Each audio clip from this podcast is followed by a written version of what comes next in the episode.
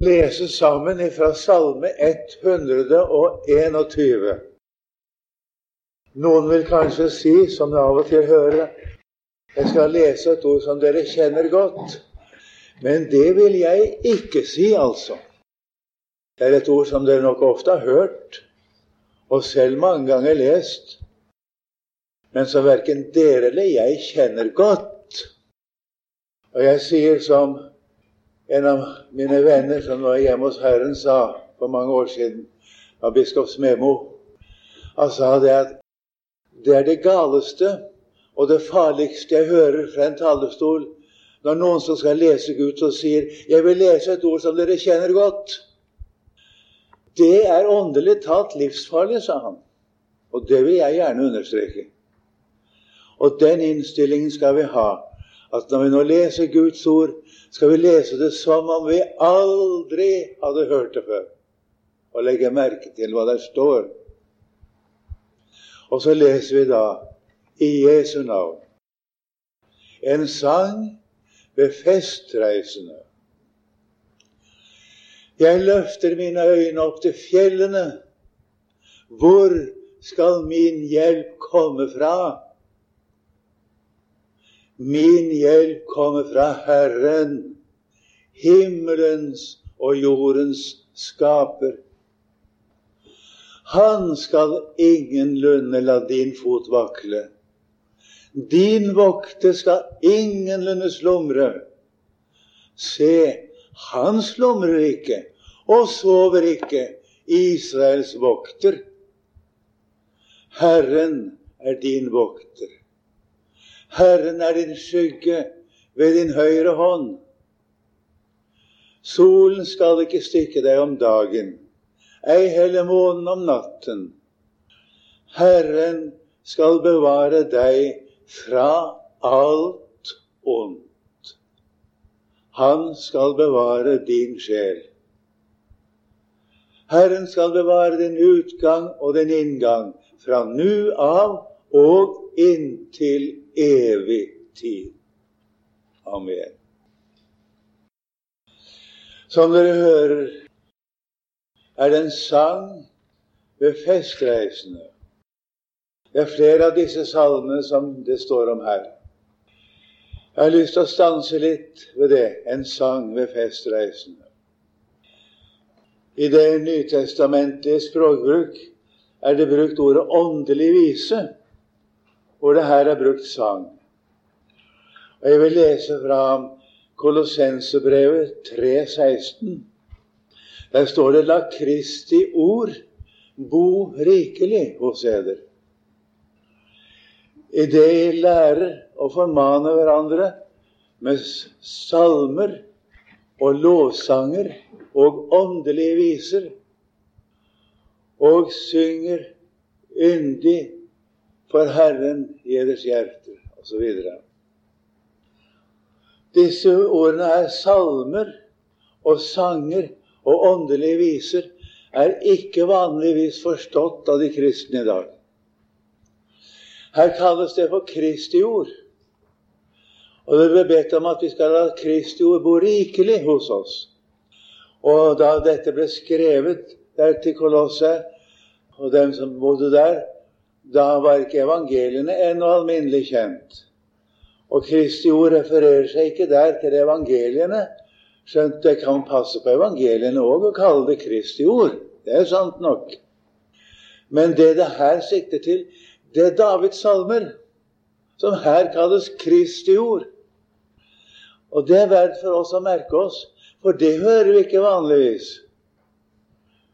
Men at Davids salmer blir kalt for Kristi ord, Altså at Kristus, han er sentrum, han er innholdet i, og han er egentlig opphavsmann til Davids salmer. Og disse salmer de kalles salmer og lovsanger og åndelige viser. Apostelen Paulus siterer efter den greske oversettelsen av Det gamle testamentet, den som kalles Septuaginta. Det heter der altså psalmoi, hymnoi, altså salmer, og lovsanger, hymner, kaodai. Og det som er over, der heter Odai, det er altså oversatt med 'åndelig vise'. I dag er det uttrykket 'åndelig vise' brukt som en slags bibelsk hjemmel for det man dikter i dag. Det er nemlig inn, som man sier, å lage viser i dag. Ikke minst på kristenlivets område. Man lager viser i massevis. Og så sier man det Bibelen sier jo det at vi skal ha åndelige viser. Men denne åndelige visen som man lager, det har overhodet intet med dette uttrykket å gjøre i Guds ord. Og det vil jeg gjerne understreke. Her er tale om Davids salmer. Og en av disse åndelige visene, det er salme 121.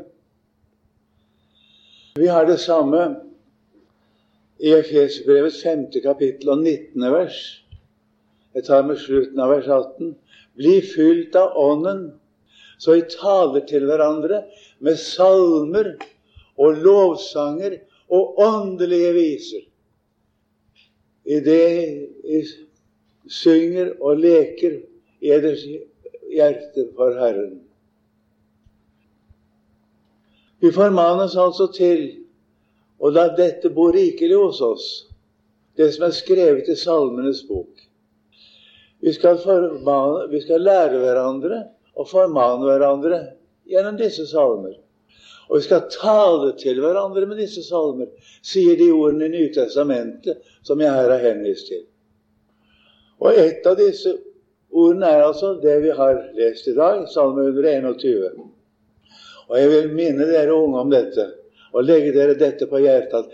Dere må ikke kalle det vi hører i dag, det skvipet som lages av viser i dag, kalle det for åndelige viser.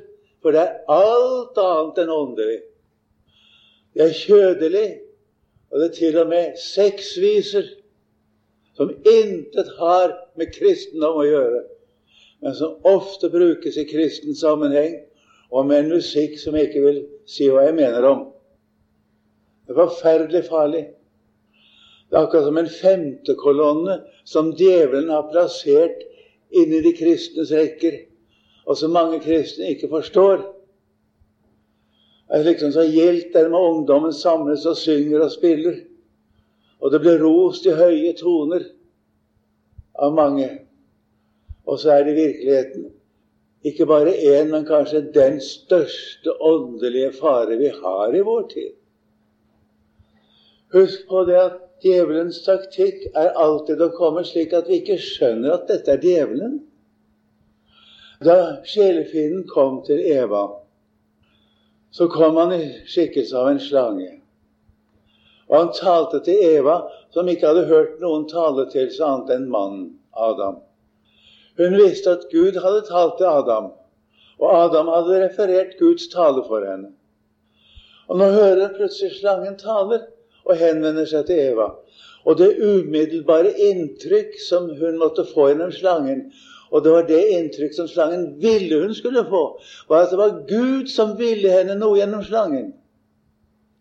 Og så sier slangen, altså Satan, har Gud virkelig sagt vi skal ikke ete av noe tre i havet.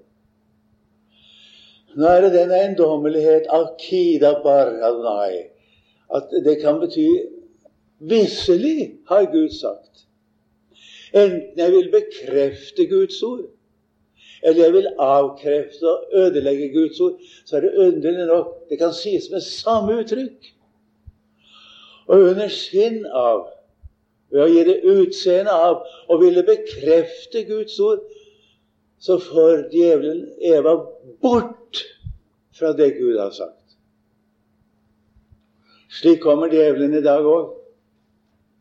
Nå kan han ikke sitere Bibelen og si at det er ikke Guds ord. Men han lurer inn vrange lærdommer. Det står der de forførende ånder, djevelens lærdommer, de blir lurt inn blant de kristne. Du kan se begynnelsen av 2. Peters brev kapittel 2 og Efeserbrevets kapittel 4 Nei, Paulus' første brev til Timotius kapittel 4. Der kan du se det. De skal lure inn vrange lærdommer. De skal lure inn det som fører folk bort fra Bibelen, bort fra sannheten. Og en av de effektive metoder som djevelen bruker i vår tid, det er å lure inn det som han kaller åndelige viser. Og si at ja, det er jo begrunnet i Det nye testamentet, det, med åndelige viser. Nei, kjære venner, det er nettopp det det ikke er. Det er det motsatte. Er Kristi ord som skal bo rikelig hos oss. Ikke noe som djevelen finner på og lurer inn, og med en fengende musikk som i virkeligheten er dansemusikk. Den fenger ungdommen. Det er ikke noe som fenger den mer enn det. Rytmer, dette sanselige rytmer. Det fenger ungdommen som intet annet. Og så tilsatt da noe som liksom skal være kristelig, da. Og med en tekst som minner om Bibelen her og der, og minner om noe som er kristelig her og der. Og i virkeligheten er noe helt motsatt kristendom. Dette er sannheten om disse tingene. Men du vet at når jeg sier dette her, så er jeg ikke mye populær. Jeg har fått lide mye for dette, at jeg sier disse tingene. Men du kan stole på at dette skal jeg forkynne. For det er Herren som har lagt det på meg å forkynne dette. Det er salmer, det er lovsanger, det er åndelige viser. Og vi har det i Salmenes bok. Og Det nye testamentet kaller det for Kristi ord. Det er stor feiltagelse å si at Kristi ord bare er det som står i Nye testamentet. Helt fra begynnelsen av er det Guds sønn også før Hans komme i kjød, som har talt gjennom profetene til oss. Jeg har ikke tid til å komme nærmere inn på det, men det var et emne i og for seg å tale nærmere om det også en gang. Om hvordan Bibelen er en enhet og en helhet. Men nå skal jeg ikke si mer om det nå. Men jeg vil altså understreke, som du skjønner, at vi har for oss Salme 121, som er et ord fra Herren til oss. Og det kalles en sang her. Og det er en god oversettelse, etter min mening. Men det er altså det som er en åndelig vise, og det brukes ved festreisende. De dro opp til Jerusalem. Og Jerusalem det lå jo høyt, eller ligger høyt. Det er ca. 840 meter over havet, hvis jeg ikke husker feil. Og jeg husker da at jeg var i Israel, vi var ved nordenden av Det døde hav som lå da 400 meter under havflaten, så var høydeforskjellen derfra hvor vi sto, opp til Jerusalem det var godt og vel 1200 meter. Og jeg tenkte med meg selv at her har jeg samme høydeforskjell som mellom Oslo og Finse. Finse ligger på 1222 meter. Og fra Oslo til Finse er det samme høydeforskjell. Og på 30 km skulle jeg ha den høydeforskjellen fra Det døde havet opp til Jerusalem. Jerusalem ligger høyt. Og særlig når du kom fra Jordandalen, så måtte du se oppover i fjellene der. Men du kan ikke se Jerusalem noe sted fra. Det ligger mellom fjellene. Og byen ser du ikke, men du ser fjellene. Og så løftet de sine øyne opp til fjellene. Og nå kommer vi til det som han gir uttrykk for i denne salmen. Jeg løfter mine øyne opp til fjellene. Det ligger noe bakom der, nemlig et grunnleggende og viktig spørsmål. Hvor skal min hjelp komme fra? Jo, min hjelp kommer derfra hvor Gud har åpenbart seg. Og det var i Jerusalem. I den gamle pakts tid var det jo tempelet. Men i den nye pakts tid er det fremdeles Jerusalem. Det gjelder også for oss, bokstavelig talt å løfte våre øyne opp til fjellene. Der i Jerusalem. Utenfor byen, riktignok. Men det var der. Der sto Jesu kors. Der døde Guds sønn på korset for dine og mine synder. Guds sønn utgasset eller Det står i apostelen kapittel 19 det uttrykket 'Gud utga sitt blod'. Et merkelig uttrykk, det. Der ble dine og mine synder sonet ved et offer som tok syndene bort. Der oppe imellom disse fjellene, der ble du og jeg kjøpt fri fra lovens forbannelse. den forbannelsen som ligger over deg og meg, at vi holder ikke mål for Gud, du og jeg. Og hvis vi skulle gjøre opp, gjøre, holde oppgjør med Gud, hva vi har vært og hva vi har gjort og sånn, så er det ikke håp for oss. Vi kunne ikke klare et oppgjør med Gud for hva vi har vært og hva vi har gjort, hva vi har tenkt, hva vi har ment, hva vi har villet og ønsket, og hva vi har forsømt.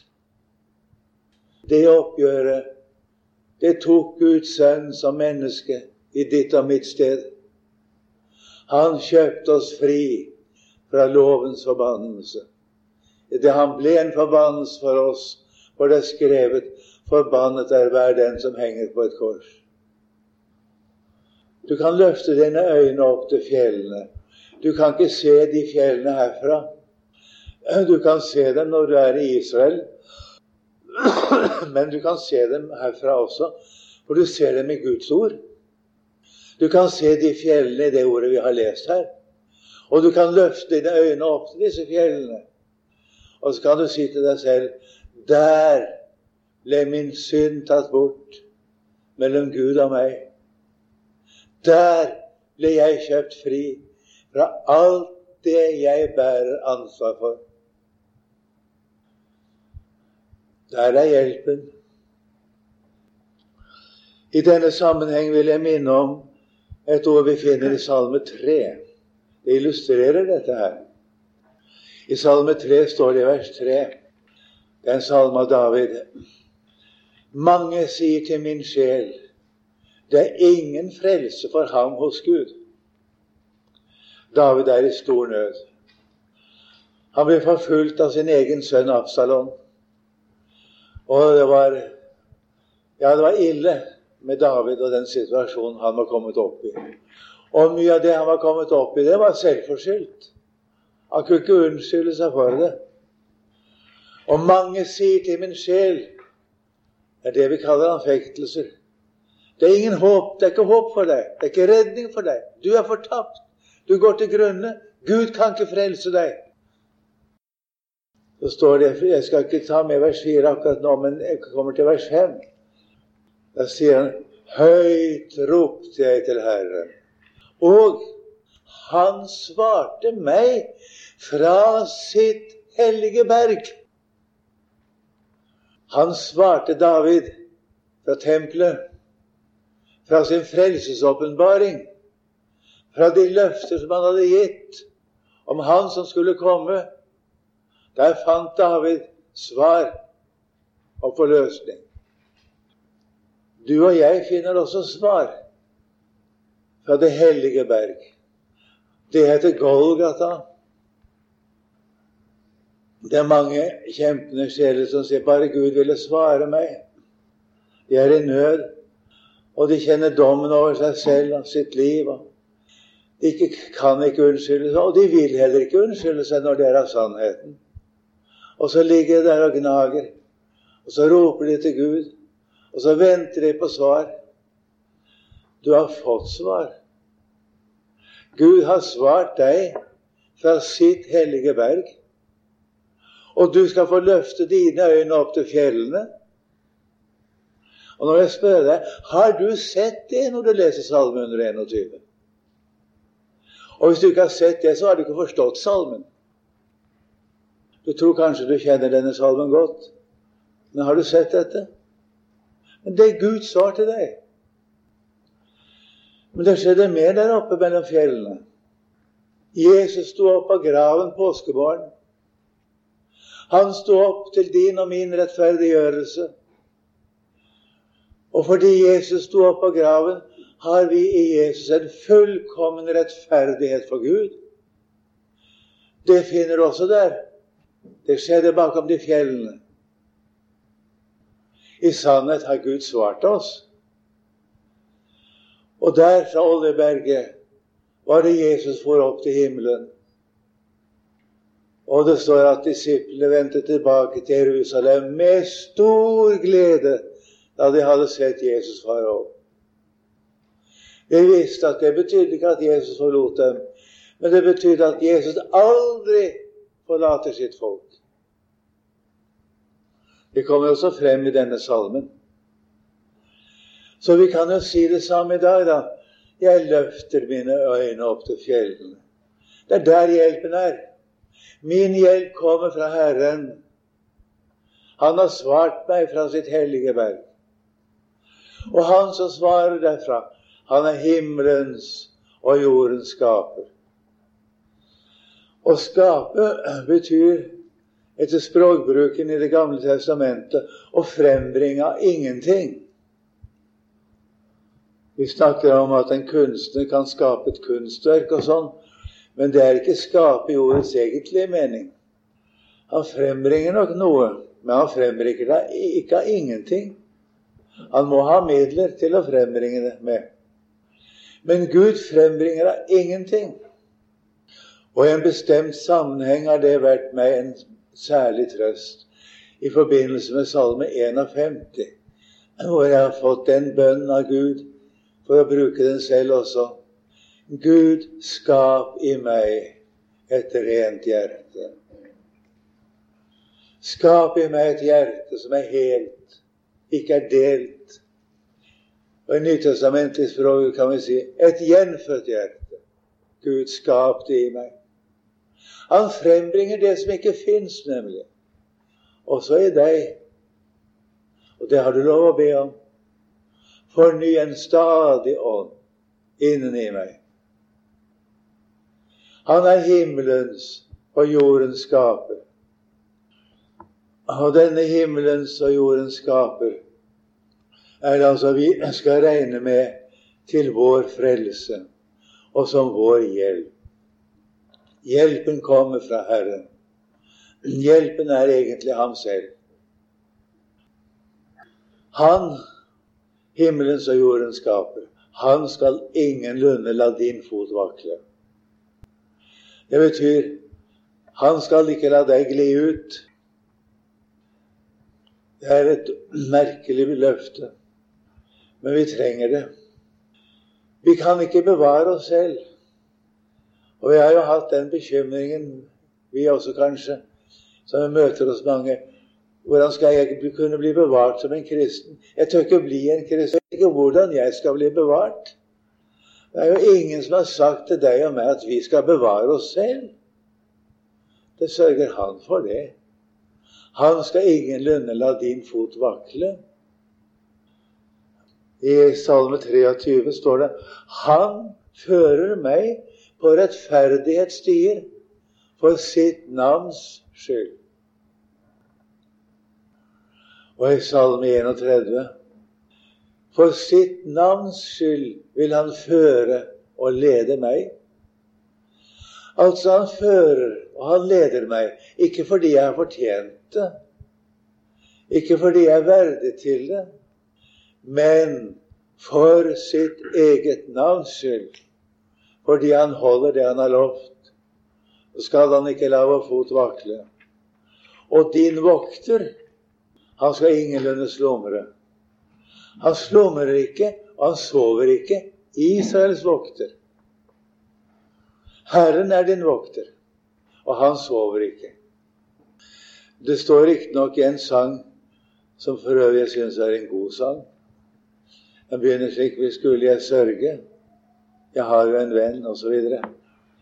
så står det i et av versene der om, om Frelseren sover i skip iblant. Han er dog i skipet om bord, eller noe sånt. Den strofen skulle aldri ha eksistert. Frelseren sover ikke noensinne. Det er naturligvis hentet fra det at Jesus lå i båten og sov en gang på Genesaretsjøen. Men det betyr på ingen måte at Jesus sover iblant. Det er nettopp det han ikke gjør. Se, han slumrer ikke og sover ikke. Israels vokter. Og Herren er din vokter. Og Herren er din skygge ved din høyre hånd. Den skyggen er der så sant du vandrer i lyset. Det er Herren selv som er lyset. Og vandrer vi i lyset, er skyggen der. Og så lenge du vandrer i lyset, kan du ikke gå fra den.